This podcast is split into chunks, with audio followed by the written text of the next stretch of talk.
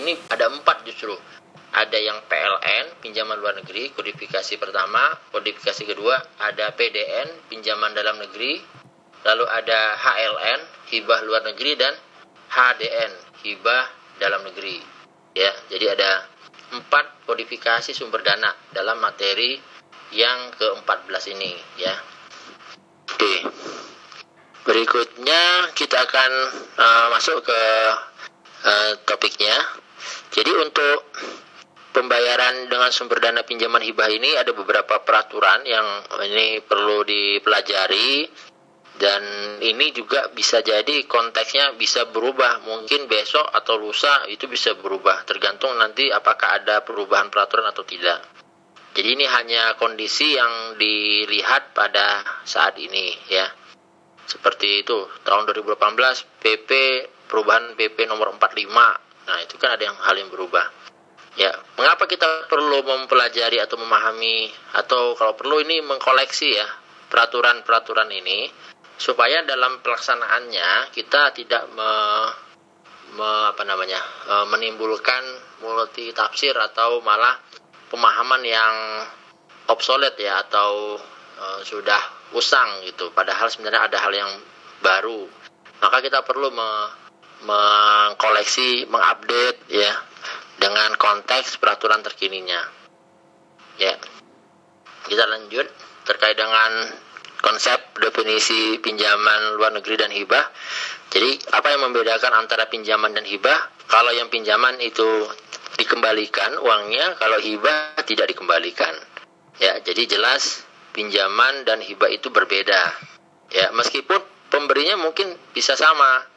Jadi misalnya World Bank memberikan pinjaman, kemudian saat bersamaan World Bank memberikan hibah. Dua hal ini sebenarnya bisa dilakukan oleh uh, lender atau uh, donatur yang yang yang punya perikatan atau perjanjian dengan uh, pemerintah ya. Itu bisa saja. Tapi bedanya secara konsep satu dibayar yang satu tidak dibayar itu oke kemudian hal yang perlu diperhatikan bahwa penarikan pinjaman hibah ini menggunakan uh, DIPA ya jadi dia harus melihat uh, pagu dipanya Kemudian kalau misalnya lebih dia harus merevisi. Kemudian di sini kita akan kenal beberapa hal-hal apa uh, pengadministrasian baru ya. Misalnya kita akan kenal nanti ada surat pengantar atau covering letter, lalu ada lagi terkait dengan eh, jenis-jenis uh, withdrawal ya, kemudian ada istilah LC apa itu dan sebagainya. Jadi hal-hal baru di sini kita akan kenal ya termasuk ada istilah SP3 atau surat perintah pembukuan atau pengesahan ya ini uh, ini apa uh, hal yang uh, teknis ya kemudian kita kenal juga nanti ada istilah closing date ya ada effective date dalam dalam hibah dan uh, pinjaman Lalu ada istilah NOD. NOD ini kalau di kita namanya SP2D ya, NOD. Jadi uh, itu nanti kita akan pelajari lah di dalamnya ya. Oke. Okay. Nah, sebelum kita ya kita mempelajari tentang tata cara penarikan PHLN, kita harus pahami bahwa tadi kan ada dijelasin prinsipnya adalah masuk di dalam APBN. Artinya pinjaman ya dan hibah itu sudah direncanakan Nah, bagaimana direncanakannya? Ya, prosesinya dimulai dari uh, penandatanganan loan agreement. Ya, ketika loan agreement itu ditandatangani antara lender dan pemerintah kita, maka pada saat itu mulailah berlaku efektif date-nya uh, pe penarikan dari pinjaman. Ya, nah penarikan itu sendiri uh, di, di, dituliskan atau ditentukan dalam uh, loan agreement. Di sana biasanya dalam setahun itu dua kali, dua kali penarikan, ya, dua kali penarikan. Kalau pemerintah tidak bisa menarik dananya dalam kurun waktu dua kali itu atau tidak memenuhi jumlah yang disebutkan dalam loan agreement, maka pemerintah dikenakan denda. Jadi ya, lucu ya kita pinjam tapi kita nariknya pun uh, di di apa namanya ditentukan dan kalau nariknya tidak uh, perform kena denda ya maka dalam hal ini memang kalau mengacu kepada loan agreement harus benar-benar diawasi. Siapa yang mengawasi?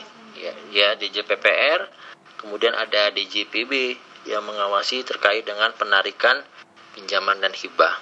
Siapa yang menarik atau siapa yang melaksanakan pinjaman dan hibah? Ya yang melaksanakan biasanya executing agensi atau istilah kita namanya kementerian lembaga. Jadi misalnya DJPP eh, apa direkt uh, kementerian PUPR ya uh, pekerjaan umum ya mau membuat jembatan yang dibiayai oleh dengan pinjaman maka dia yang melaksanakan pembangunan jembatan tadi dengan dana yang di berikan melalui pinjaman hibah. Nah, pinjam, penarikan dananya itu nanti diawasi oleh uh, Kementerian Keuangan, sedangkan pelaksana kegiatan itu dilaksanakan oleh Kementerian PUPR. Ya, kurang lebih seperti itu ya.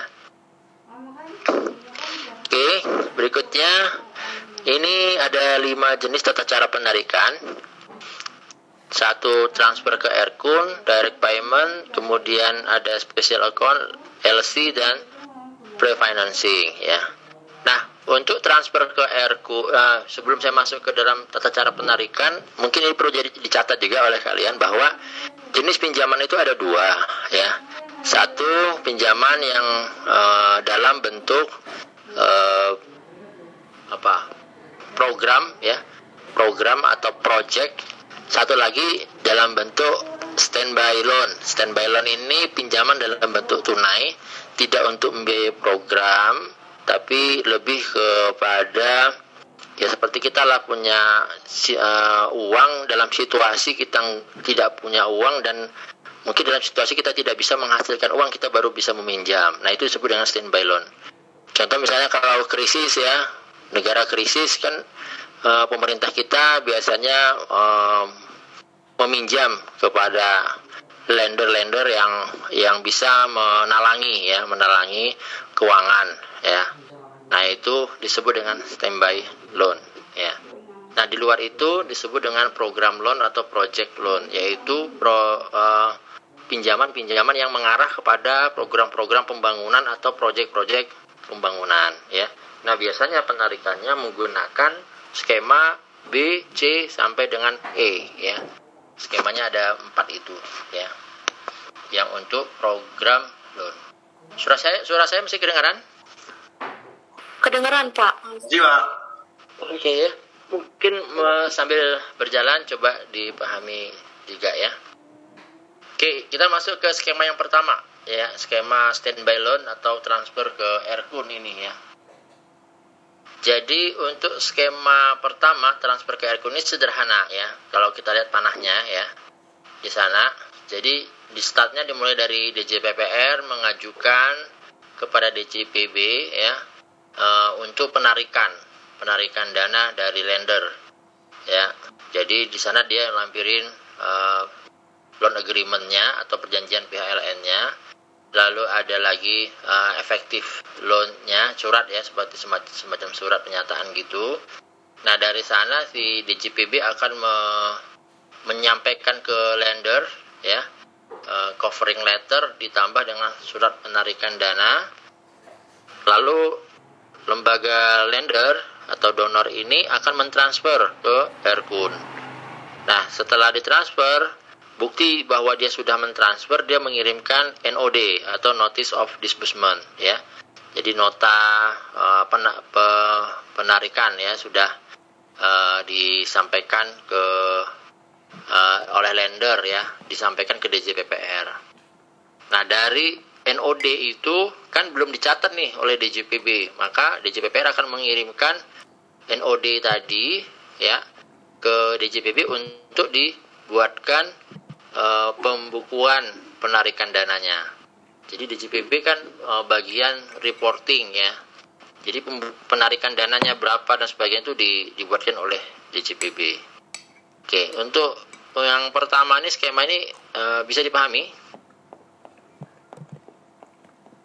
Oh, Pak. Ya. Uh, ini Pak Di maaf kurang jelas yang dari DJPB ke lender itu Pak untuk dokumennya. Ya, untuk dokumennya DJPB uh, biasanya menambah hanya menambahkan ini saja surat pengantar saja. Jadi yang kenapa DJPB yang berhubungan dengan lender? Karena pertama DJPB itu yang memiliki rekening, gitu ya. Karena rekeningnya kan rekening Erkun. Nah, lender itu akan menerima uh, mewakili Bun ya, mewakili Bun DJPB itu akan menerima uh, surat pengantar dari DJPB uh, uh, apa surat pengantar penarikan ya. Surat pengantarnya disampaikan ke lender. Ya ini ini sebenarnya bagian yang sederhana ya. Bagian sederhana. Kalau teknisnya nanti tergantung dari masing-masing lender mensyaratkan. Tapi kurang lebih secara umum seperti yang di bagian ini ya. Kalau untuk dokumennya spesifiknya apa uh, ini ada surat edarannya sendiri-sendiri peraturannya masing-masing. Tapi secara umum uh, si DJPPR sebagai executing agensinya itu menyampaikan permintaan penarikan gitu ya. Nah ke DJPB DJPB nanti akan menerima kemudian me, me, apa namanya menyampaikan surat itu kembali tapi dengan memberikan surat pengantarnya. Ya jadi surat pengantarnya ke lembaga donor. Nah donor nanti akan mentransfer ke rekening Erkun nah seperti itu. Kenapa lender tidak tidak menyampaikan ke DJPB NOD-nya ya nah di sini tugasnya si DJPPR sebagai pengelola pinjaman ya. Makanya dia ditembuskan NOD jadi semua transaksi uh, loan agreement itu diwakili oleh Menteri Keuangan kemudian disampaikan ke uh, eh, DJPPR. DJPPR itu jadi fungsinya dua di sini sebagai eksekutif agensi dan sebagai uh, ini sebagai pemegang uh, tusi pengelola pinjaman ya itu. Jadi NOD-nya disampaikan ke DJPPR dan DJPPR itu nanti akan menyampaikan uh, surat per, perintah untuk pembukuan ya Nah, atas dasar itu kemudian DJPB akan membukukan dengan menerbitkan SP 3 dan sudah dikonfirmasi ke rekening RQ-nya. Oh, sudah masuk gitu. Jadi sudah dikonfirmasi. Kurang lebih seperti itu, Mbak. Baik, Pak. Makasih, Pak. Ya. Oke. Kita lanjut ke mekanisme yang kedua, ya. Pada mekanisme kedua, ini kita bicara tentang direct payment, ya jadi direct payment ini uh, modelnya uh, kalau kita belajar di rupiah murni ya ini ini saya menekankan konteksnya supaya bisa dapat gitu ya karena kadang-kala ada uh, apa pemahamannya itu agak rumit atau susah. Nah ini saya coba menyederhanakan saja. Nah direct payment di sini ini kalau kita bicara uh, seperti kalau di rupiah murni biasa sebenarnya rupiah murni itu pembayaran langsung. Jadi pembayaran langsung itu dari siapa? Berarti dari Erkun ke ke pihak ketiga kan? Bukan melalui bendahara satker kan? Kalau melalui bendahara satker kan berarti LS-nya LS abu-abu gitu kan? Tidak langsung tapi ke bendahara dulu bendahara nanti ke pihak ketiga. Nah itu uh, apa namanya tidak langsung sebenarnya kan gitu. Nah, di dalam mekanisme IPL ini atau direct payment ini hal yang sama berlaku. Jadi si pemberi pinjaman itu membayarkan ke pihak yang dituju. Jadi lendernya yang membayar, bukan lendernya kirim ke Bun atau ke DJPB, nanti DJPB yang bayar, bukan seperti itu. Tapi langsung dibayar. Nah, itu makanya kenapa disebut dengan direct payment. Nah, mekanismenya ya, mekanismenya ada di slide nomor 11 itu. Jadi uh, withdrawal application ya atau dokumen penarikan ya, aplikasi penarikannya itu itu uh, berasal dari si KL sebagai executing agency. KL itu kemudian uh, mengirimkan WA itu ke KPPN. Nah, di KPPN itu akan memberikan cover letternya atau surat pengantarnya ya.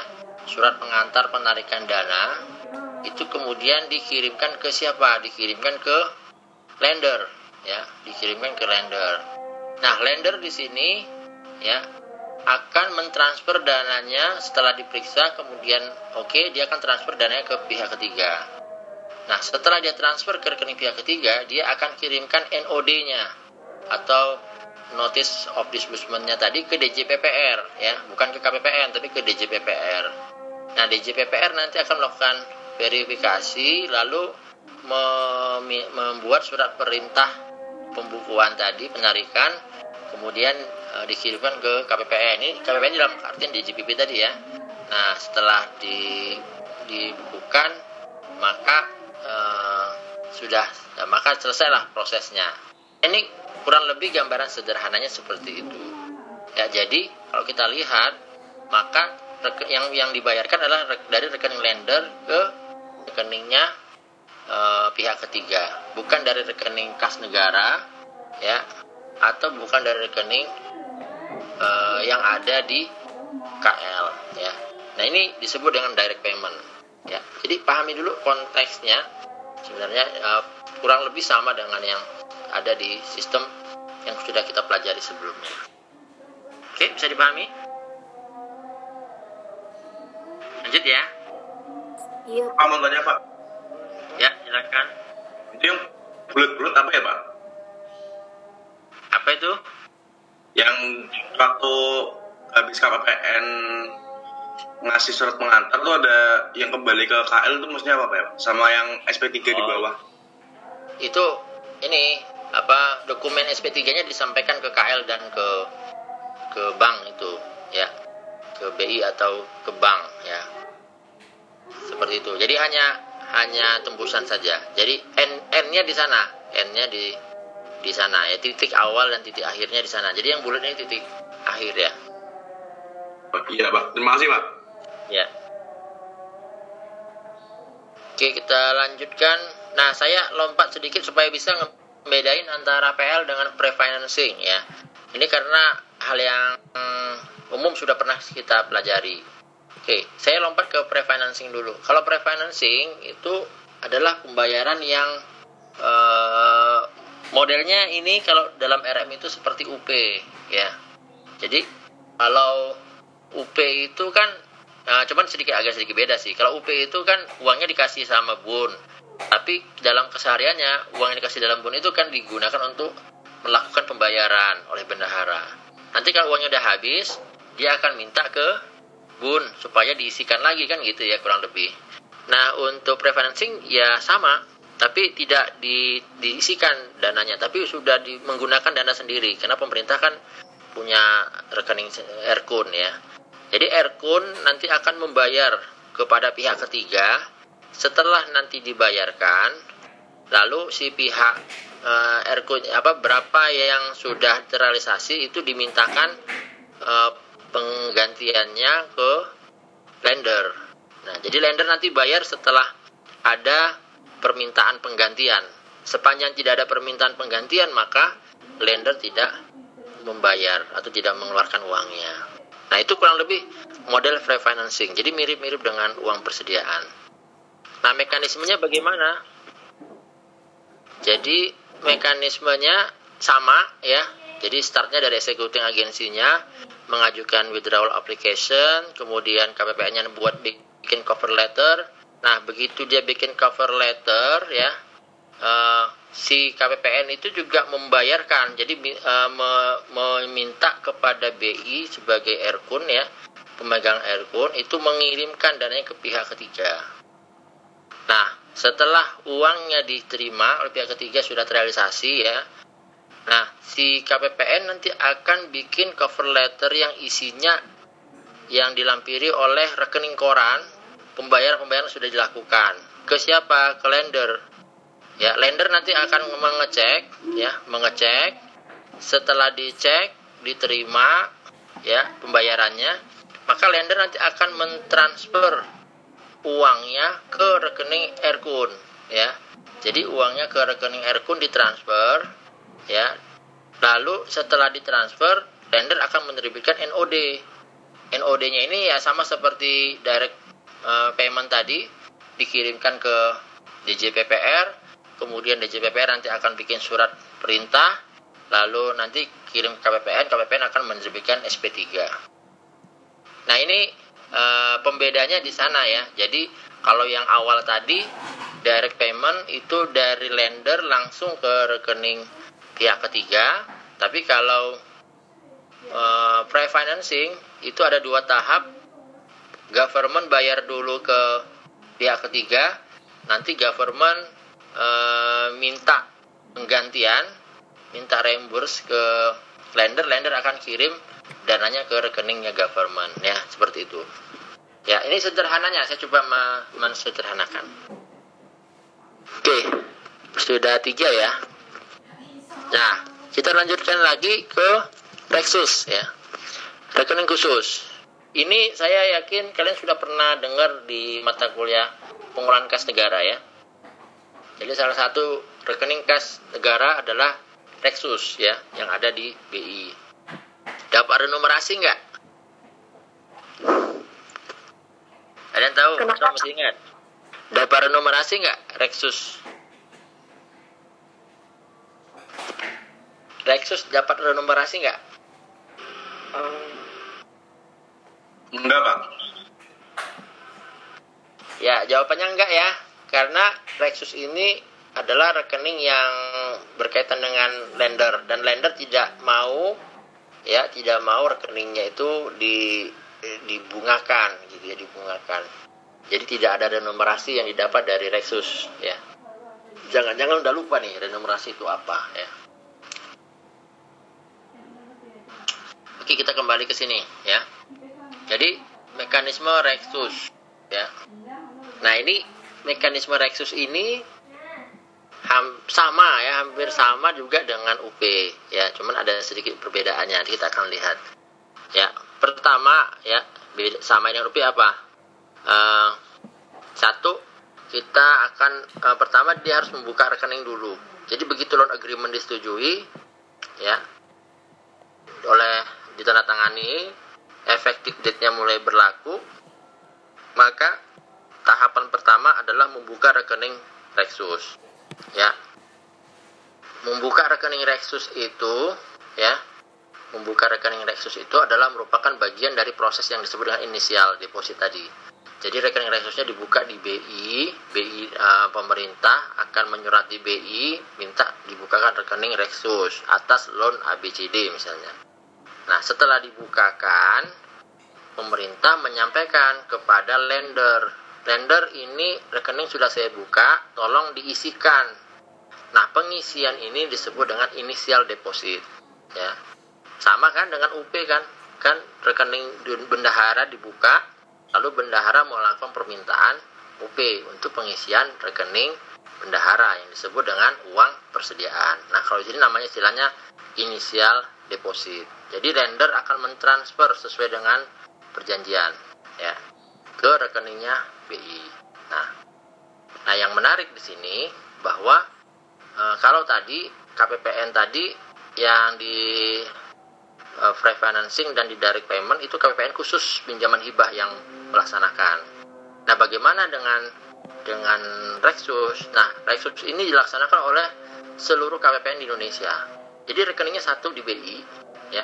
Tetapi penarikan dananya itu bisa dilakukan di KPPN-KPPN yang ada di Indonesia.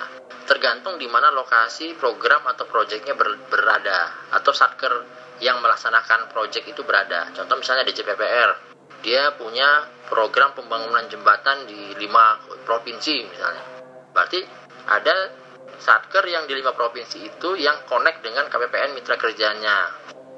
Nah, dia akan mengajukan penarikan dana melalui KPPN itu. Tetapi rekening yang akan dibebankan itu adalah rekening Rexus yang ada di BI ya, seperti itu. Biasanya kan kalau pen, apa, penarikan atau permintaan pembayaran kan rekeningnya pakai rekening kas umum negara Erkun. Nah, kalau ini pakai rekening khusus ya, atau Rexus tadi. Maka dari masing-masing KPPN ini akan me mengeluarkan dana ya, membayarkan kepada uh, satker-satker executing agency yang ada di wilayahnya. Sampai satu saat, ya, sampai satu saat proses penarikannya ini uh, habis ya habis ya. Nah uh, dananya tidak mencukupi lagi untuk ditarik ya. Maka dalam fase ini adalah masuk fase ketiga yaitu replenish jadi pengisian kembali ya penarikan untuk diisi kembali reksusnya. Kalau yang penarikan dana ini itu di slide nomor 14 ya jadi dari kontraktor ke PA atau KPA kemudian ke KPPN nanti dia akan ke BI lalu di BI akan ditarik gitu ya. Nanti di direktur PKN akan melihat rekening korannya dan sebagainya ya sebagai pengolah kasnya. Nah kemudian di tahap replenish itu uh, si si DJPB ya atau direktorat PKN ini akan melakukan ya permintaan penarikan ke lender. Nah, dari mana dia dasar melakukan permintaannya dari eksekutif agensi tadi yaitu di KL KL tadi. Jadi saat-saat yang ada di KL itu penarikan-penarikannya itu dikonsolidasikan di tingkat KL. Kemudian setelah dikonsolidasikan itu kemudian masuk ke DJPB, DJPB nanti juga akan konsolidasi di KPPN KPPN-nya. Sama nggak jumlah yang ditarik? Jangan-jangan lebih besar atau lebih kecil dicek. Setelah sama baru mengajukan ke lender ya ke mengajukan WA-nya ke lender. Nah, ketika lender terima dia akan cek uh, apakah uh, pengeluarannya itu eligible atau ineligible. Kalau ineligible dia nggak akan bayar, tapi kalau eligible dia akan bayar, ya. Maka biasanya di yang menjadi sering menjadi masalah di Reksus ini adalah eligible atau ineligible, ya, layak atau tidak layak dalam pembayaran, karena mungkin dokumennya atau peruntukannya dan sebagainya itu yang yang menjadi concernnya si uh, lender. Kalau cocok sudah sesuai dengan uh, pembayaran, maka dia akan transfer ke BI dan akan menyampaikan NOD-nya ke DJ PPL. DJ PPL nanti akan akan sampaikan ke DJ PB untuk uh, penyampaian itunya ya, pemberitahuan bahwa sudah ditransfer seperti itu. Ya. Oke. Okay. Sampai sini ada mau tanya? Sudah empat, tinggal satu lagi LC. Jadi cukup sederhana dan kalian bisa harusnya bisa menceritakan kembali. Kemudian yang terakhir LC ya, terkait dengan pinjaman. LC ya, yaitu letter of credit ini adalah ada kondisi gini. Dalam uh, mem, apa namanya? melaksanakan project itu kita kita tidak bisa memproduksi di dalam negeri ya. Atau kita tidak bisa menyediakan bahan bakunya dari dalam negeri. Kita harus impor dari luar negeri ya. Dari luar negeri dari mana? Dari negara lender itu. Biasanya biasanya sih seperti itu. Jadi lender itu uh, punya apa namanya punya punya uh, produsen-produsen yang bisa memproduksi alat-alat yang dibutuhkan dan itu biasanya uh, menguntungkan juga bagi si lendernya ya. Nah proses LC itu dimulai dari uh, penentuan kontraktornya dulu siapa yang pemenangnya. Jadi ada competitive biddingnya lagi ya. Competitive biddingnya nanti dipilih kemudian mengadakan perikatan dengan perjanjian dengan KPA setelah uh, sudah mengadakan perikatan ya.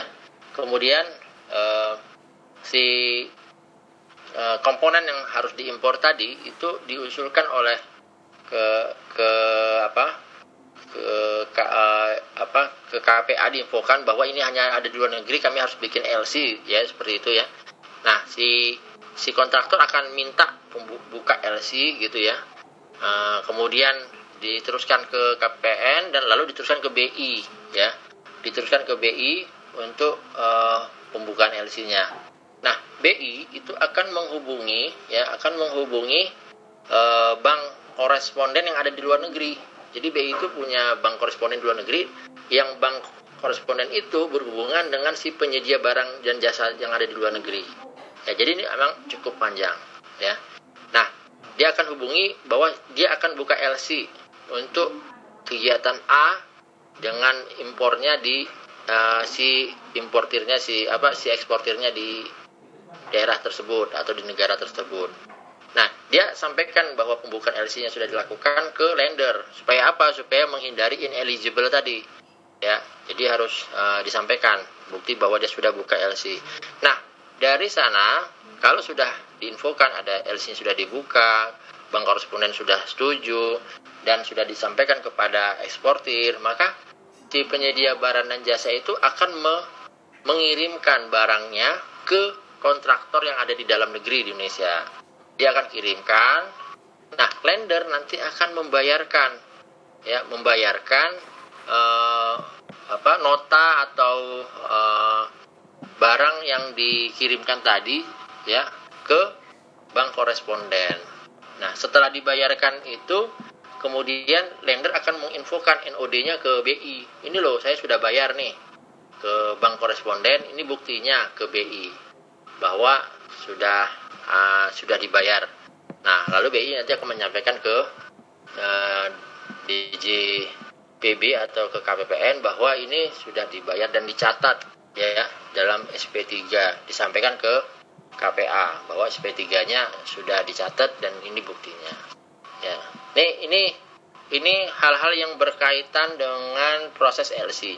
Jadi kalau LC dia lebih ke penjaminan ya, garansi garansi fund ya. Jadi e, karena dalam dan luar negeri nggak pernah ketemu kan harus ada trust. Trust itu kan dibangun kalau ada entitas yang bisa menjamin.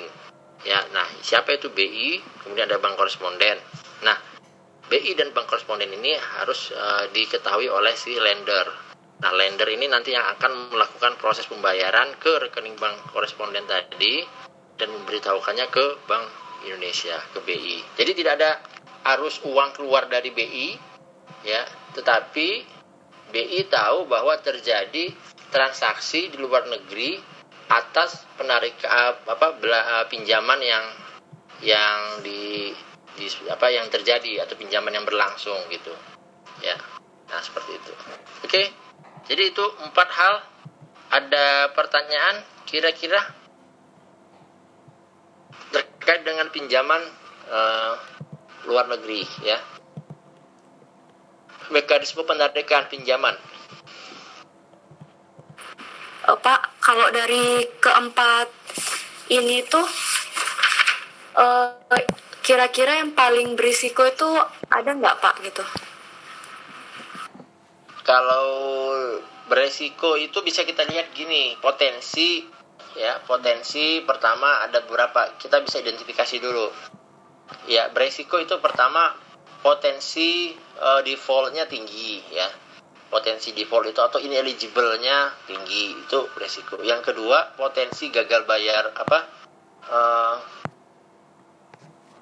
apa namanya potensi untuk uh, apa ya terjadi manipulasi ya. Jadi ineligible sama potensi ketidakmampuan pemenuhan ya, pemenuhan apa namanya? Uh, kom, apa namanya? Hmm, komitmen ya. Jadi oh. misalnya nih, ya. Tahun ini kita akan suara saya kedengaran ya? Kedengaran, Pak. Kedengaran ya? Oke. Jadi tahun ini misalnya uh, ada loan tahun ini dianggarkan 5 triliun misalnya. Nah, 5 triliun itu harus ditarik. Kalau nggak ditarik, kena komitmen fee. Besarannya mungkin satu persen per sisa penarikan. Misalnya ya, atau satu per mil atau itu ada hitungannya sendiri di loannya. Nah, kalau dia tidak ditarik tadi, ya, nah, itu berarti dia tidak perform kan? Nah, ini akan memunculkan resiko uh, pembayaran komitmen tadi. Nah, siapa yang tidak perform? Executing agency. Nah, ini ini terjadi. Kemudian yang kedua, potensi ineligible. Itu bisa terjadi karena pertama peruntukan peruntukan belanjanya salah. Jadi di dalam uh, loan belanjanya diminta untuk uh, pengadaan barang ya, barang dengan kategorisasi tertentu.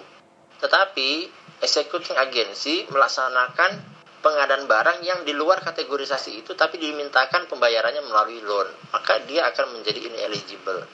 Nah, ini resiko ya. Tapi kalau terkait dengan mekanisme semuanya itu e, memiliki resiko yang sama terkait dengan ini. Tapi terkait dengan resiko proses atau resiko operasionalnya itu e, tidak saya kira tidak tidak terlalu apa beresiko ya tidak terlalu beresiko karena ini mekanisme ini adalah mekanisme yang sudah umum dilaksanakan dalam proses pembayaran. Ya, baik Pak. Pak. Oke, lagi.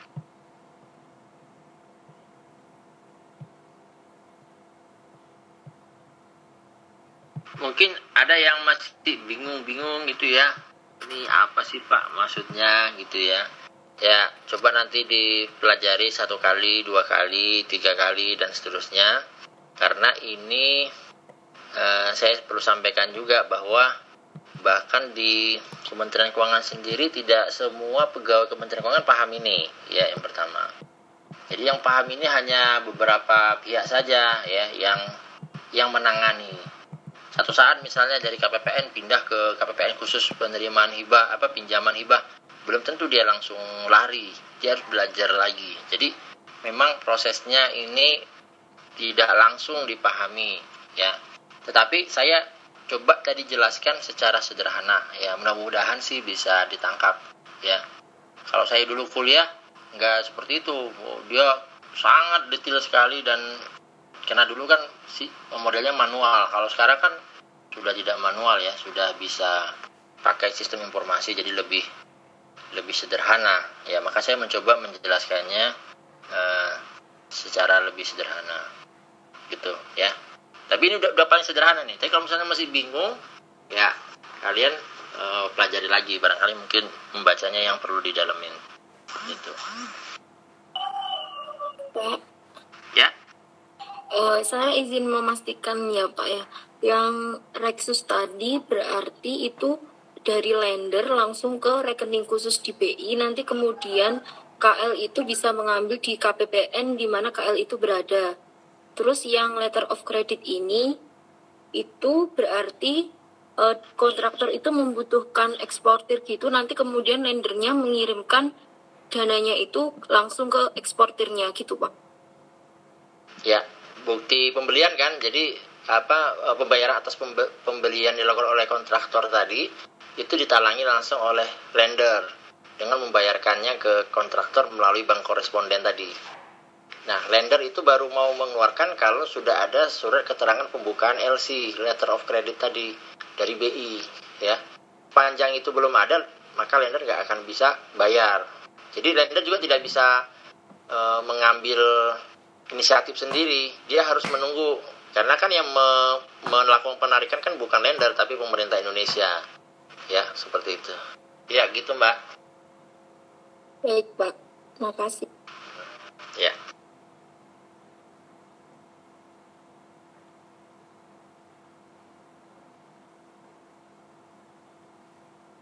Oke. Ada lagi? Nah, ini akan nanti akan menjadi menarik sekali ya. Kalau kita bicara nanti di dalamnya ada kategorisasi eh, pinjaman-pinjaman yang atau eh, apa kategorisasi pengeluaran-pengeluaran yang dibiayai oleh lender, mana yang tidak dibiayai oleh lender. Ya.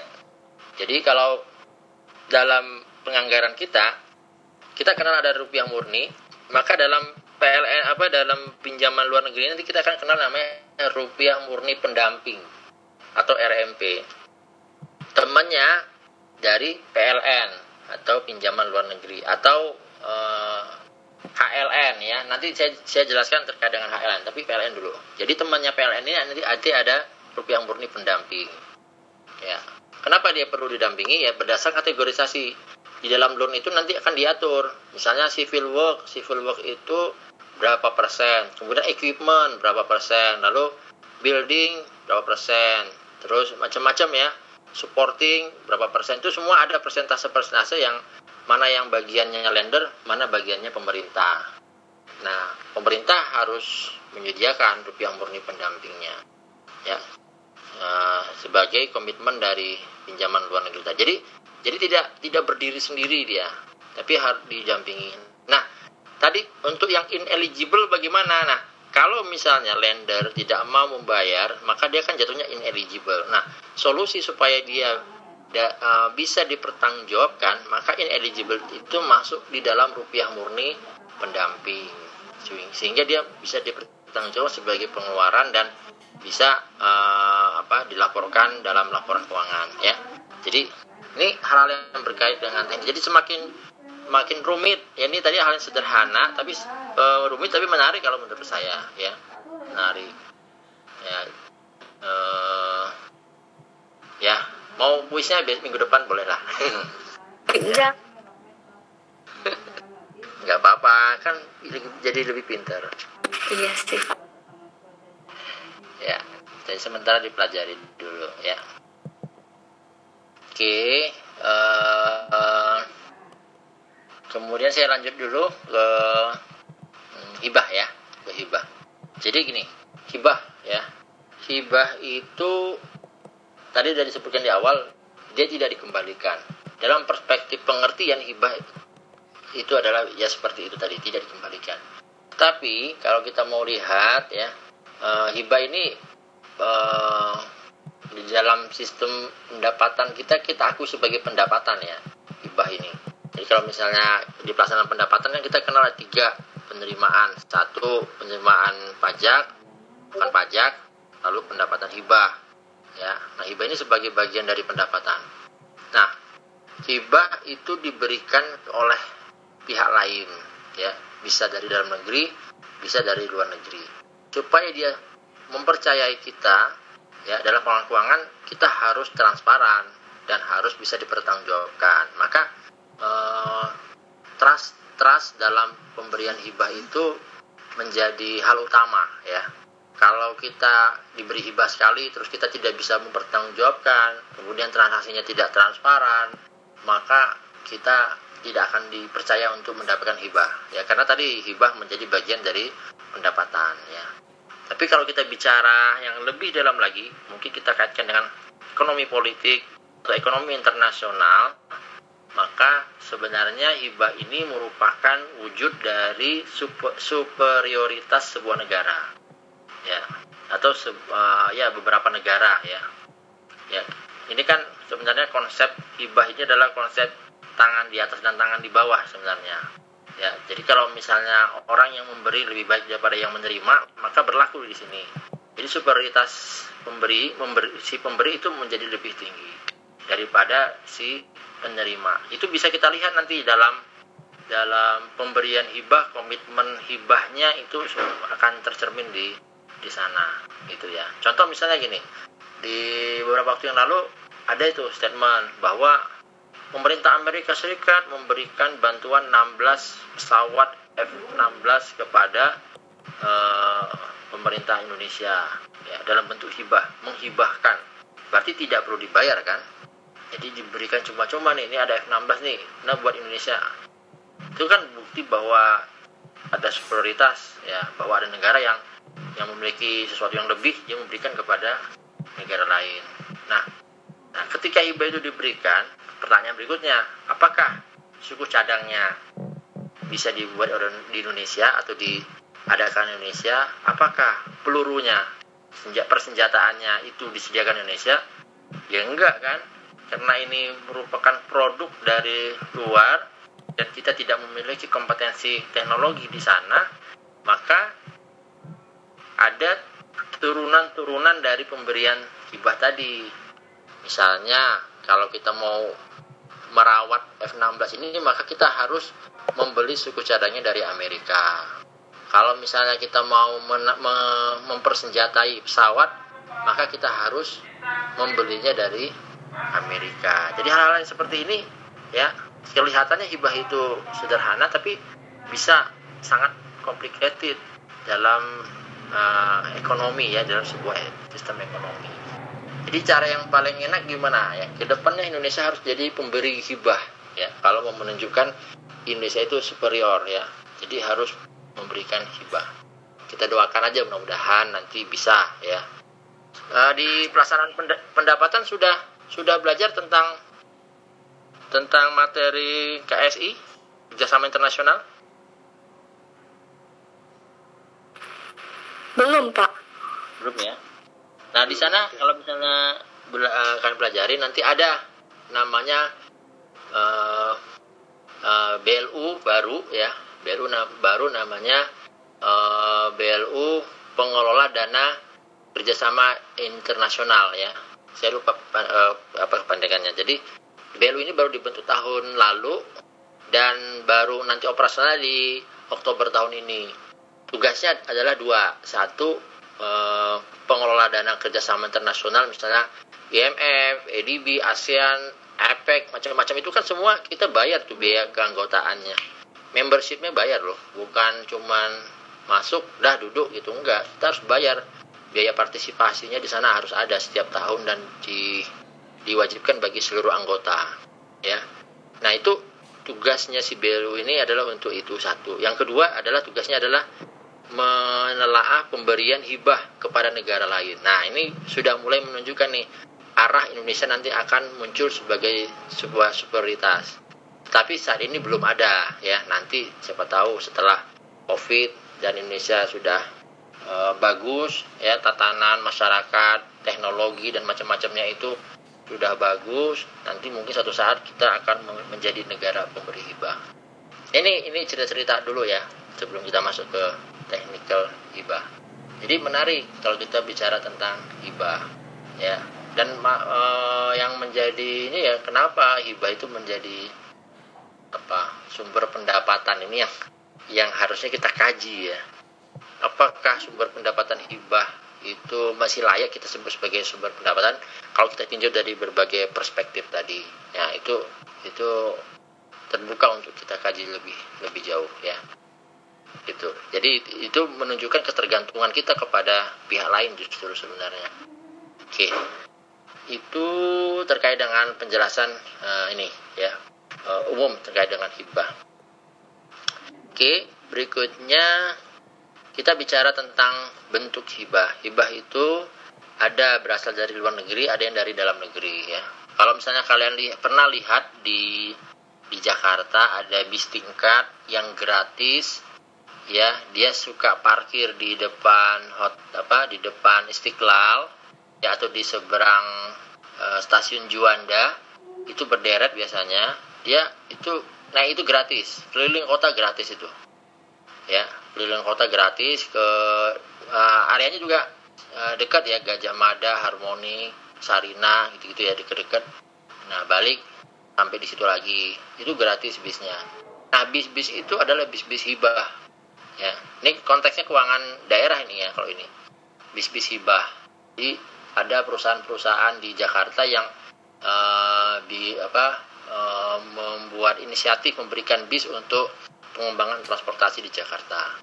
Nah, biaya operasionalnya ditanggung oleh Pemda, tapi pengadaan bisnya ditanggung oleh perusahaan uh, perusahaan swasta tadi. Nah, itu yang dilakukan uh, contoh ya uh, jenis hibah. Jadi bisa hibah dari dalam negeri yang seperti kasus tadi bisa juga dari luar negeri. Nah dari luar negeri dari mana ya? Dari negara donor yang tadi kita bicarakan waktu di pinjaman. Mekanisme pemberian hibahnya bagaimana? Persis sama seperti pinjaman.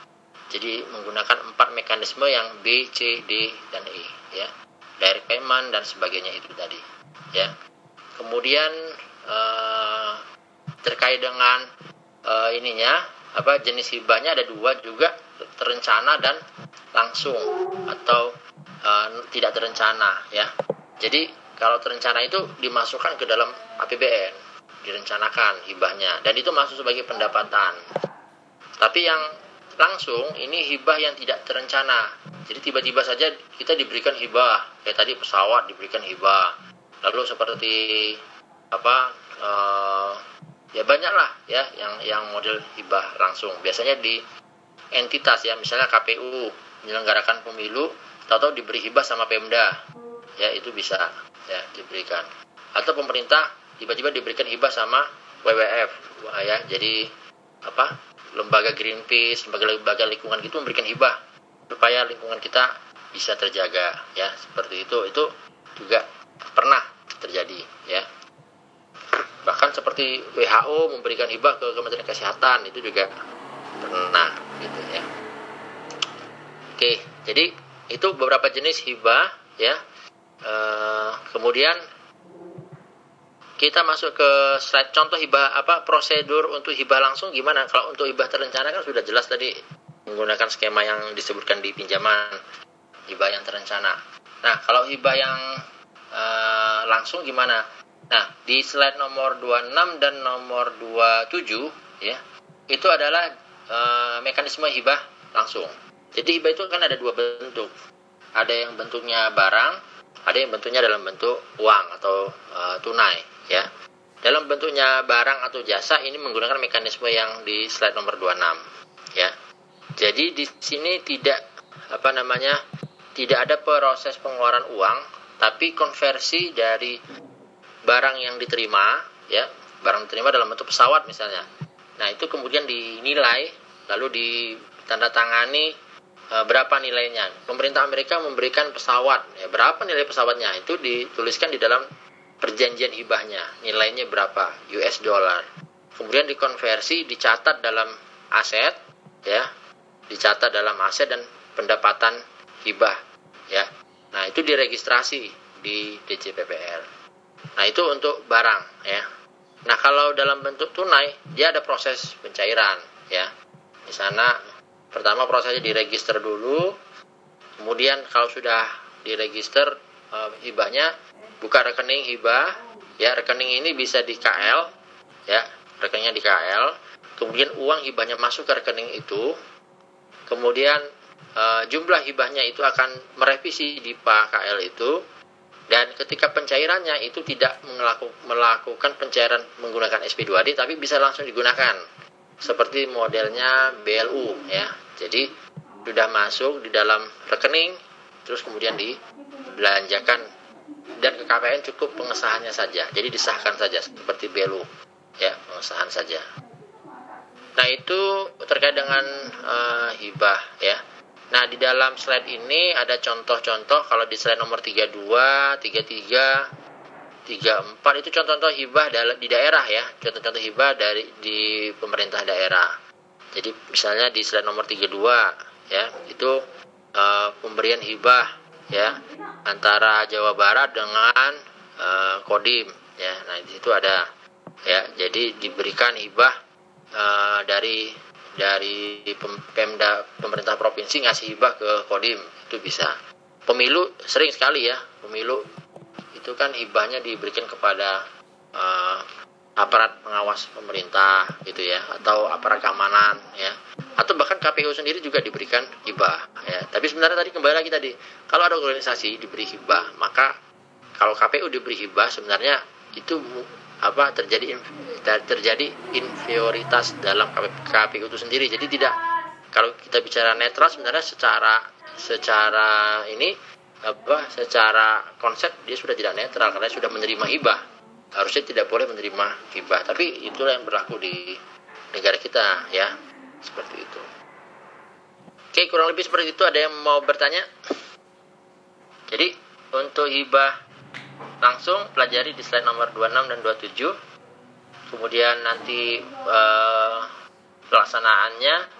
Itu di situ ada dokumen-dokumennya. Ada SP2HL ada SPMTHL dan dan macam-macamnya ya. Seperti itu. Sampai sini ada pertanyaan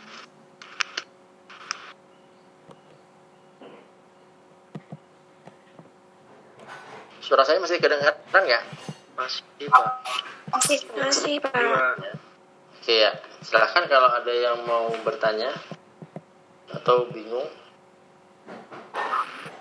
pak masih bingung yang di tadi waktu penyesuaian pagu hibah dalam DIPA itu. Nah, terus habis itu kan pencairannya bisa penggunaan dananya kan bisa digunakan secara langsung. Nah, itu Pak minta tolong dijelasin ulang.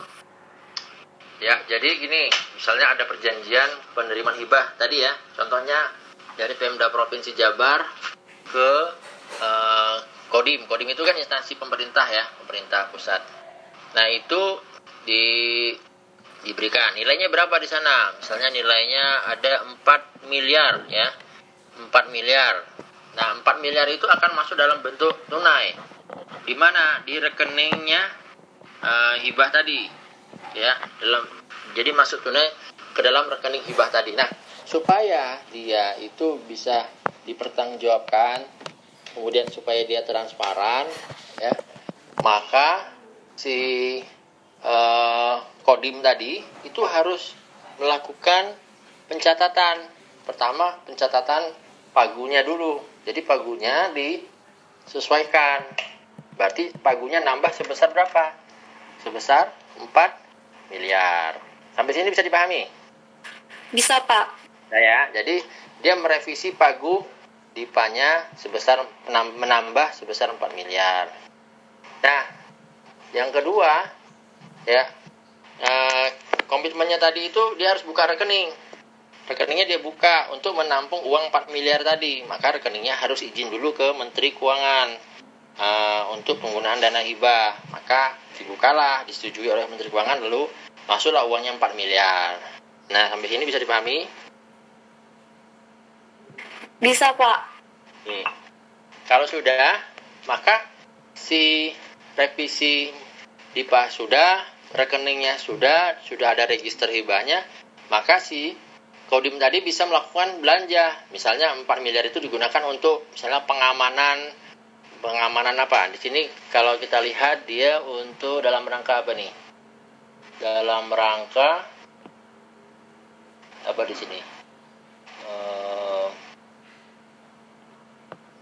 ya mungkin dalam rangka pengamanan ya jadi dalam rangka penangan pengamanan daerah di Jawa Barat misalnya maka Kodim melaksanakan kegiatan misalnya kegiatan pengamanan eh, kalau misalnya pemilu berarti pengamanan pemilu. Dia menurunkan pasukannya. Pasukan atau eh, pasukannya itu kan butuh makan butuh transportasi terus butuh apa lagi? Peralatan macam-macamnya. Ya nah itu semua dibayar dari uang yang 4 miliar tadi. Jadi pengeluaran-pengeluaran yang berkaitan dengan eh, hibah konteks hibah tadi itu harus dipertanggungjawabkan oleh si kodim tadi. Ya nah pertanggungjawaban dia penggunaannya tadi itu dia wujudkan dalam bentuk pengesahan hibah. Pengesahan hibahnya itu kemudian dikirimkan ke KPPN bahwa kodim sudah melaksanakan realisasi eh, belanja hibah senilai sekian gitu.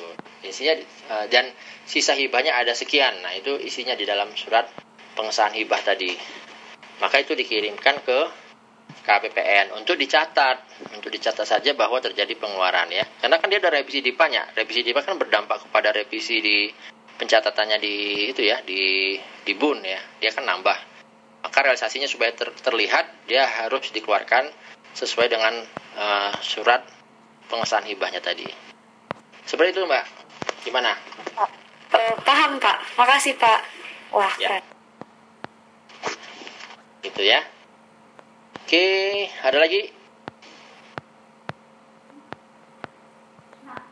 Nah kalau dalam bentuk barang ya kalau dalam bentuk barang nah ini yang perlu di, dipahami ya. Kalau hibah dalam bentuk barang maka tidak perlu melakukan revisi ya.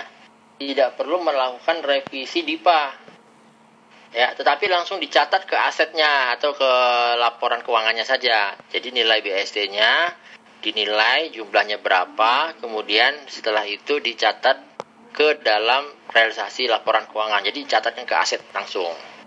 Ya misalnya Kementerian Pertahanan tadi dapat hibah. Dia nggak perlu merevisi DIPA-nya tapi dia mencatatnya ke dalam aset. Kemudian nanti dikonsolidasikan dalam laporan keuangan. Ya seperti itu. Oke. Ada lagi yang mau bertanya hal-hal pokok yang kalian pelajari di slide nomor 26 27 terkait dengan hibah lalu untuk hibah terencananya itu digabung dengan pinjaman luar negeri. Itu eh, modelnya yang ada di slide nomor yang yang tadi ya jenis-jenis mekanisme penarikan tadi ya. Kan itu tata cara penarikan PHLN ya. PH PH itu apa? Pinjaman hibah luar negeri ya. Jadi dua-duanya masuk dalam menggunakan bisa menggunakan tata cara ini gitu Oke, kalau tidak ada yang bertanya, saya cukupkan sampai di sini ya. Ya Pak, baik Pak. Baik Pak. Oke Pak, kita cukupkan dulu. Terima kasih uh, atas perhatiannya. Sampai ketemu lagi di minggu depan ya. Mudah-mudahan sih sempat saya bikin bikin soal contoh soal ya, contoh soal terkait dengan hibah ini pinjaman eh, pinjaman dan hibah ini. Oke, itu saja. Terima kasih. Selamat sore. Assalamualaikum warahmatullahi wabarakatuh.